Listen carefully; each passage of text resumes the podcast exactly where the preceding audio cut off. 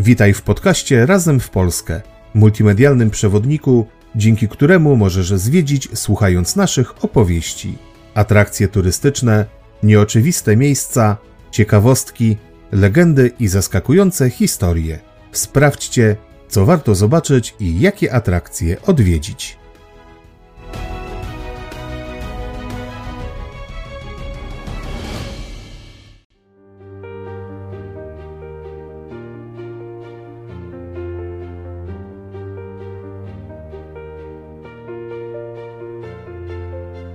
Gdzie znajduje się jeden z piękniejszych rynków Dolnego Śląska, porównywalny jedynie z tymi we Wrocławiu i Świdnicy, do którego z dolnośląskich miast zawitał pięciokrotnie Napoleon Bonaparte, co robi pomnik jednego z największych przeciwników polskiej państwowości na plantach miejskich, gdzie powstał 2,5-metrowy gliniany garniec i gdzie można poczuć się jak słoń w składzie porcelany. Opowiemy Wam o tym podczas wycieczki do stolicy polskiej ceramiki.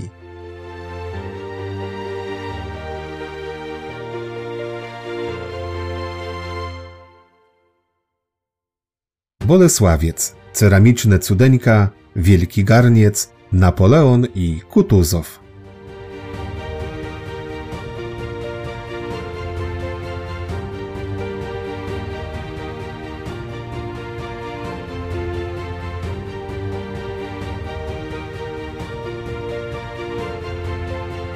Te delikatne, misternie zdobione i przede wszystkim piękne dzieła od wieków są wizytówką jednego z ciekawszych miast Polski. Aby je obejrzeć dokładnie, zabieramy Was do położonego w województwie dolnośląskim Bolesławca, od stuleci uznawanego za stolicę ceramiki.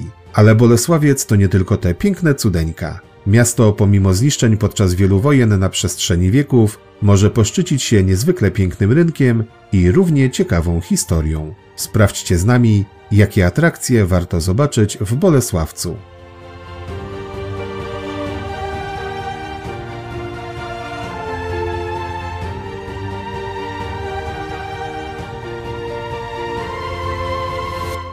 Stare Miasto.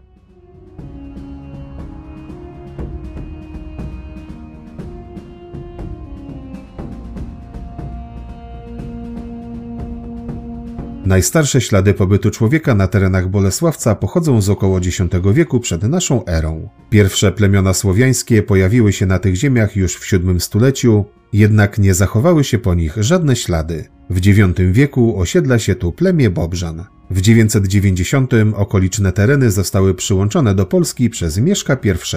Dwa wieki później Bolesław Wysoki zakłada tu kasztelanię, a w 1251 roku Bolesław Rogatka lokuje miasto. Od imion tych dwóch książąt piastowskich wzięła się prawdopodobnie jego nazwa. O piastowskiej przeszłości Bolesławca przypomina znajdująca się pod jedną z kamienic brama piastowska. Jest to przejście, w którym umieszczono wizerunki pieczęci książąt śląskich.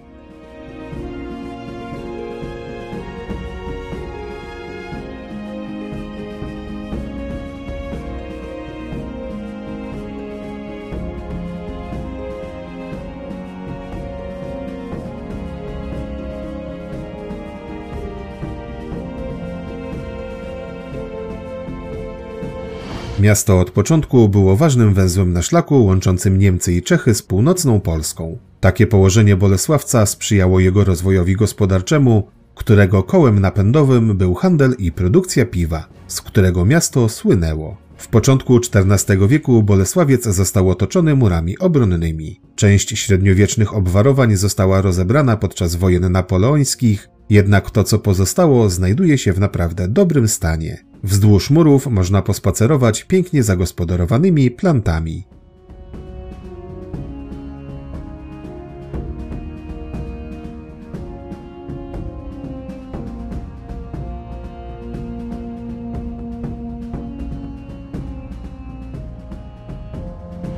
Jednym z ciekawszych obiektów na plantach jest pomnik rosyjskiego feldmarszałka Michaiła Kutuzowa. Powstał on w 1819 roku z polecenia króla Fryderyka Wilhelma III.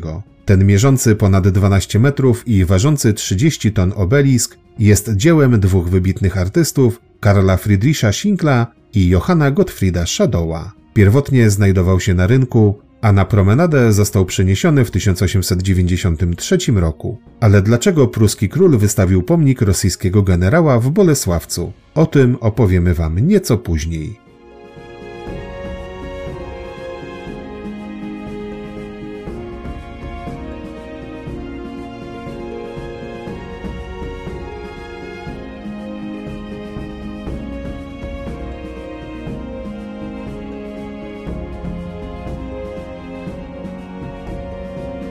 Podczas wojen husyckich nie pomogły nawet mury i miasto zostało zniszczone i ograbione. Nie załamało to jednak mieszkańców. W rozwoju pomogły liczne przywileje. W XV wieku rozwija się także garncarstwo i ceramika, która wkrótce rozsławi miasto, ale o tym opowiemy Wam w dalszej części. W połowie XVI wieku Bolesławiec liczy już prawie 3,5 tysiąca mieszkańców i jest jednym z największych miast śląskich. Po raz kolejny miasto niszczą przemarsze wojsk i kontrybucje podczas wojen szwedzkich. Odbudowujący się Bolesławiec trafia w 1740 roku pod panowanie Prus.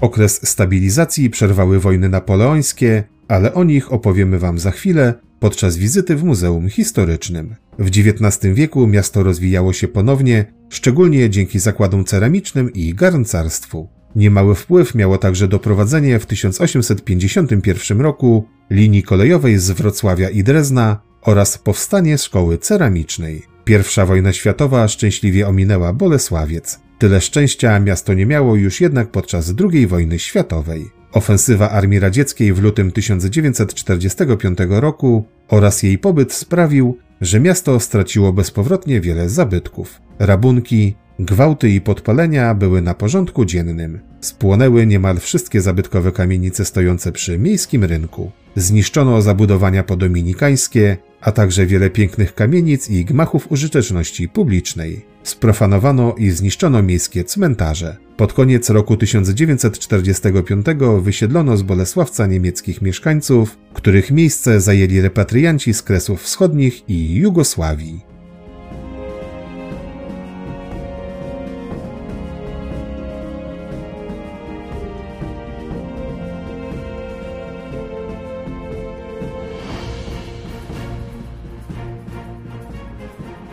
Pomimo zniszczeń, rynek zachował swój średniowieczny układ. Otaczają go odrestaurowane kamienice z XVIII, XIX i XX wieku w pastelowych kolorach. To właśnie one, wybudowane chyba we wszystkich możliwych stylach, od baroku aż do klasycyzmu, nadają mu specyficzny klimat, czyniąc jednym z najbardziej urokliwych miejsc w Bolesławcu. Kamienice na rynku można porównać chyba tylko z tymi z Wrocławia i Świdnicy. Na samym placu znajdziecie sporą ilość zieleni i kwiatów. Jest tu także kilka instalacji przypominających o bolesławieckiej ceramice, jednak są one nienachalne i pięknie wkomponowane.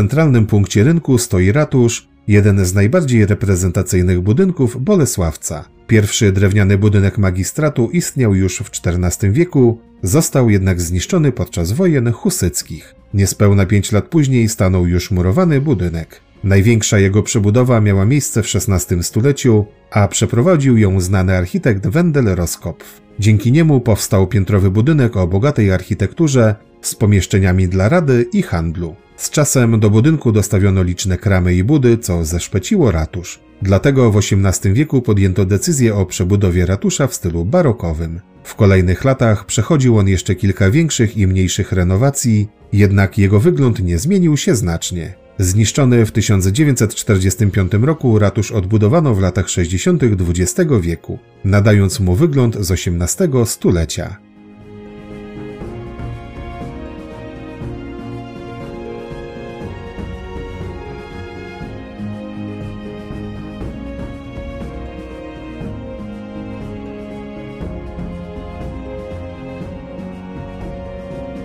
Drugim imponującym budynkiem przy rynku jest Bazylika Wniebowzięcia Najświętszej Marii Panny i Świętego Mikołaja. Jej budowę rozpoczęto w połowie XV wieku po tym, jak podczas wojen husyckich spłonął kościół świętej Doroty. Wkrótce po zakończeniu budowy przeszedł na ponad 100 lat na własność protestantów. W tym czasie nie zaszły większe zmiany w budowli. W 1640 roku kościół spłonął podczas wojny trzydziestoletniej, po czym powrócił w ręce katolików. Jednak jego odbudowa szła mozolnie i zakończono ją dopiero w połowie XVIII wieku. Autorem barokowego projektu przebudowy był włoski architekt Giulio Simonetti. Wyremontowany w latach dwudziestych XX wieku kościół szczęśliwie przetrwał II wojnę światową. Jeśli uda Wam się wejść do wewnątrz, to warto zwrócić uwagę na piękne barokowe wnętrze z ołtarzem głównym dłuta Jerzego Webera ze sceną w niebowzięcia Najświętszej Marii Panny. Na zewnątrz znajdują się epitafia z XVI i XVII wieku oraz rzeźby świętych.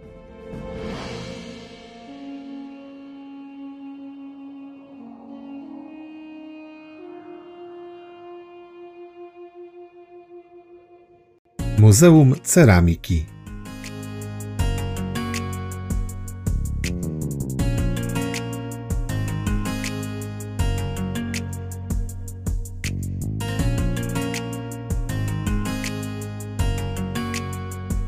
Pierwsze garncarnie na terenie Bolesławca powstały już we wczesnym średniowieczu. Związane to było z bogatymi pokładami gliny występującymi w okolicach miasta. Najstarsze bolesławieckie wyroby odkryte podczas badań archeologicznych pochodzą jednak dopiero z XV stulecia. Są to naczynia ozdobione nakładkami i pokryte brązowym i kobaltowym szkliwem. Kronikarze o ceramicznych wyrobach z Bolesławca wspominają w XVI wieku, kiedy to burmistrz miasta zawiózł je na dwór królewski w Pradze.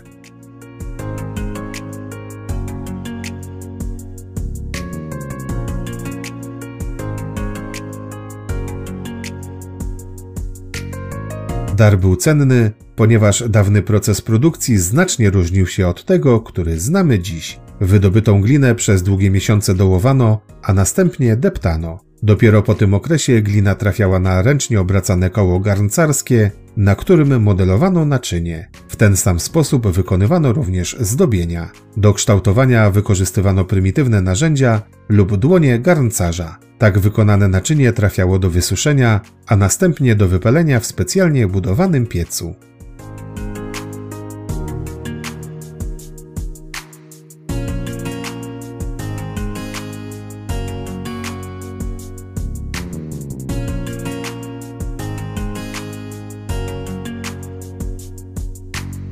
Szczególnym osiągnięciem bolesławieckich garncarzy był wykonany w 1753 roku przez mistrza Johanna Gottlieba Joppe wielki garniec o wysokości 2,5 metra i obwodzie prawie 4 metrów, uważany za największy na świecie. Praca musiała być wykonywana etapami. 21-letni Joppe prawdopodobnie toczył oddzielnie poszczególne kręgi, a później w mistrzowski sposób połączył wszystkie elementy. Przez 200 lat był on symbolem tradycji ceramicznych miasta i atrakcją dla odwiedzających. W roku 1813 żołnierze francuscy uszkodzili wielki garniec, strzelając do niego z pistoletu. Jednak bolesławieccy garncarze pieczołowicie go naprawili i dla bezpieczeństwa pokryli powierzchnię drucianą siatką. Zniszczony został prawdopodobnie przez Rosjan w 1945 roku. W 2001 roku wykonano jego kopię i umieszczono na rynku. Jednak kilka lat później została ona zniszczona przez wandali. Kolejną kopię możemy dziś oglądać w Muzeum Ceramiki w Bolesławcu.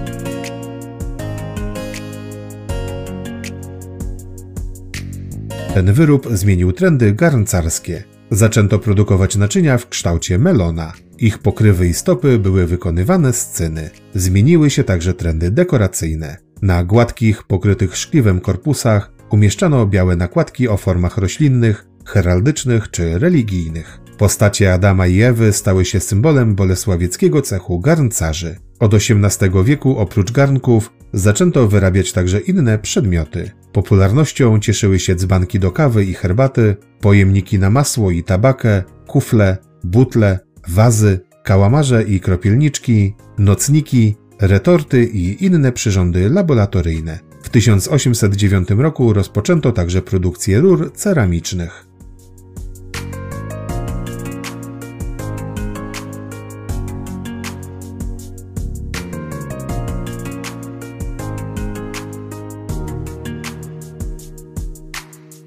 XIX wieku duże zasługi dla rozwoju ceramiki położył profesor Karl Daniel Bach, malarz i wykładowca Wrocławskiej Szkoły Sztuki. Zaprojektował on zestaw naczyń o klasycystycznej formie, zdobionych antycznymi wzorami amorów, tańczących bogiń i westalek oraz wićmi roślinnymi. Największe zmiany w bolesławieckim garncarstwie wiązały się z działalnością Johanna Gottlieba Altmana który znacząco podniósł artystyczny poziom bolesławieckich wyrobów. Wprowadził on wiele nowinek technicznych. Udoskonalił masę garncarską tak, że uzyskano tworzywo zbliżone do porcelany oraz wynalazł szkliwo o niskiej zawartości ołowiu. Pod koniec wieku XIX pojawił się również nowy sposób dekoracji zwanej stempelkową, wykonywany za pomocą gąbki.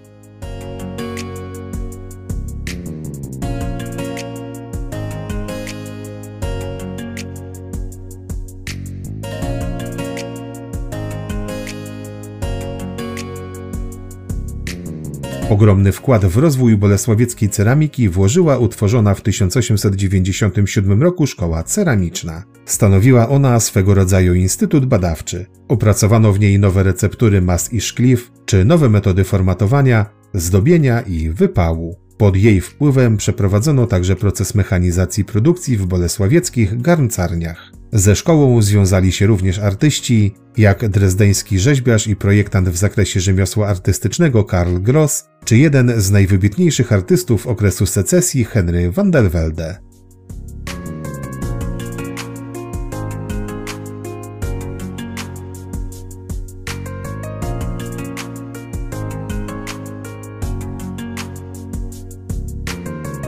Czasie II wojny światowej duża część zakładów ceramicznych w Bolesławcu uległa zniszczeniu. Wprawdzie już w 1946 roku uruchomiono pierwszy z zakładów, jednak na kolejne trzeba było poczekać kilka lat. Mimo tego bolesławiecka ceramika artystyczna dość szybko odzyskała wiodącą pozycję, na co wpływ miało nawiązanie współpracy z ASP we Wrocławiu. Przez kolejne lata umacniała swoją pozycję, stając się jedną z najbardziej cenionych firm w Europie. O jej prestiżu może świadczyć to, iż w 2017 roku serwis kawowy z Bolesławca otrzymała w prezencie brytyjska para książęca William i Kate. To jak wspaniałe wyroby wytwarzano w Bolesławcu na przestrzeni wieków, możecie zobaczyć na wystawie w Muzeum Ceramiki. Jest to miejsce, gdzie naprawdę można poczuć się jak słoń w składzie porcelany.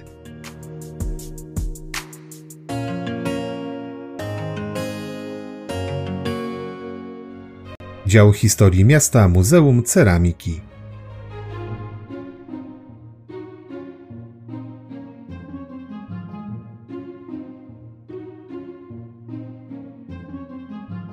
Po tym pięknym i delikatnym przerywniku wróćmy jeszcze na chwilę do historii Bolesławca, a konkretnie do czasów napoleońskich. Miasto od 2012 roku należy do Federacji Miast Napoleońskich, skupiającej ośrodki które odegrały ważną rolę w czasie kampanii napoleońskich oraz odwiedził je osobiście cesarz francuski. Do listopada 2022 roku wystawa mieściła się w budynku dawnego, administrowanego przez Rosjan Muzeum Kutuzowa. Niektórzy pewnie zastanawiają się, skąd wspomniany wcześniej pomnik i Muzeum Rosyjskiego Dowódcy w Bolesławcu. Już spieszymy z wyjaśnieniem.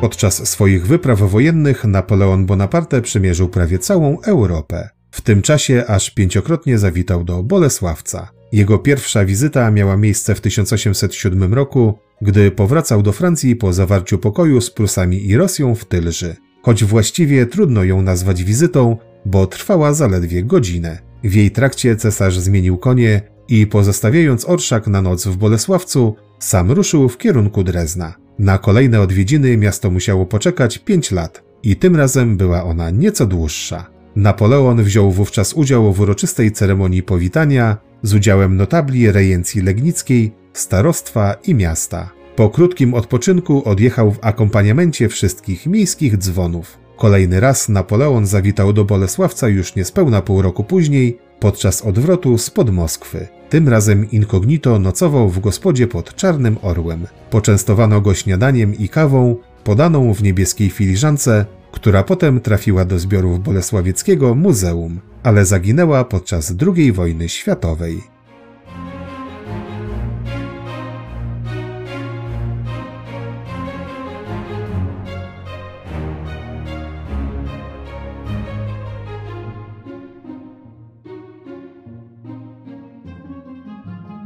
Wówczas to w pogoni za wycofującymi się Francuzami do Bolesławca zawitał głównodowodzący wojskami rosyjskimi feldmarszałek Michaił Kutuzow, uważany za głównego architekta klęski Napoleona w kampanii rosyjskiej. Wraz z nim 18 kwietnia 1813 roku przybył cały sztab oraz car Aleksander I i jego dwór. Marszałek jednak był w kiepskim stanie nękany tyfusem. Jego stan pogarszał się mimo opieki czterech najlepszych lekarzy. Mieszkańcy miasta wyłożyli nawet słomą ulicę przy domu, aby wyciszyć odgłosy przyjeżdżających powozów i koni. Na nic się to nie zdało i Kutuzow zmarł 28 kwietnia 1813 roku. Ciało marszałka zabalsamowano i uroczyście przewieziono do Petersburga w cynowej trumnie. Jego śmierć upamiętnił już sześć lat później król Fryderyk Wilhelm III, wznosząc okazały obelisk, a po II wojnie światowej Rosjanie utworzyli tu Muzeum Kutuzowa. W ten sposób jeden z największych przeciwników polskiej państwowości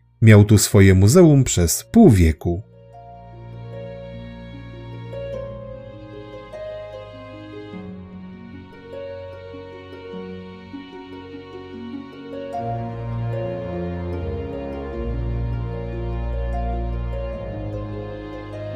Napoleon dość szybko podniósł się po porażkach z początku 1813 roku i z nową armią postanowił rozprawić się z wojskami prusko-rosyjskimi. Już w maju wkroczył ponownie z żołnierzami do Bolesławca. Tym razem nie było jednak uroczystego powitania, bo władze miejskie uciekły. Rozzłoszczony cesarz pozwolił żołnierzom na splądrowanie miasta, a sam opuścił Bolesławiec po dwóch dniach. Wrócił już 7 czerwca, zatrzymując się po drodze do Zgorzelca. W tym czasie odbył kilka rozmów i po noclegu wyjechał. Zostawił jednak silny garnizon celem uczynienia z miasta twierdzy. W ciągu niespełna miesiąca przebudowano system umocnień miejskich, zorganizowano magazyny i szpitale. Wszyscy spodziewali się, że wkrótce powróci. Jednak losy wojny potoczyły się inaczej.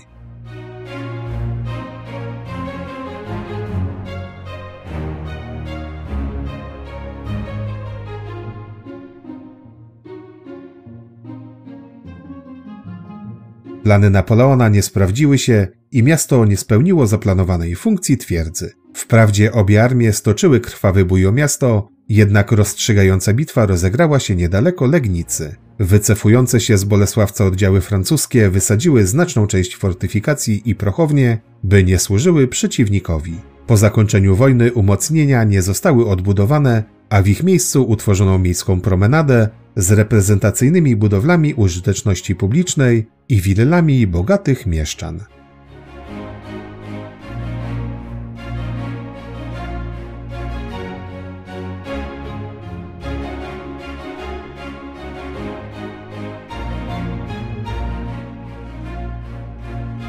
Żeby obejrzeć wystawę ceramiki historyczną, musicie chwilę zaczekać, bo muzeum przenosi swoje zbiory do nowego budynku, który otworzy swoje podwoje dla turystów już niedługo.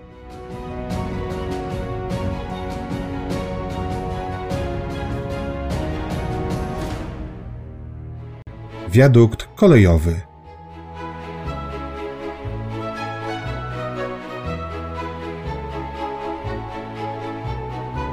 Na zakończenie wizyty w Bolesławcu zabierzemy Was do jednego z najciekawszych zabytków techniki we wschodniej Europie. Ten liczący prawie 500 metrów wiadukt kolejowy powstał w 1846 roku na rzece Bubr. Jego architektem był Fryderyk Gansel, który wzorował się na rzymskich akweduktach. Budowa trwała dwa lata i kosztowała 400 tysięcy talarów. Składa się on z 35 łuków, spośród których siedem najszerszych rozpościera się nad rzeką. Do jego budowy zużyto prawie 33 tysiące metrów sześciennych materiału budowlanego. Przy jego budowie pracowało 600 osób, a nocne zmiany pozwoliły ją zakończyć w czasie dwóch lat. Dziś po gruntownym remoncie jest jedną z ciekawszych atrakcji technicznych Dolnego Śląska.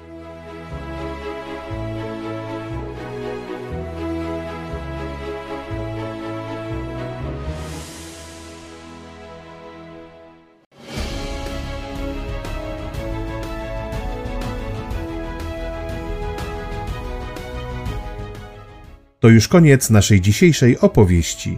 Przypominamy, że wszystkie atrakcje, o których tu dziś słyszeliście, możecie obejrzeć na naszym kanale Razem w Polskę na YouTube oraz przeczytać o nich w serwisie wypoczywamywpolsce.pl. Zapraszamy na kolejne nasze podcasty.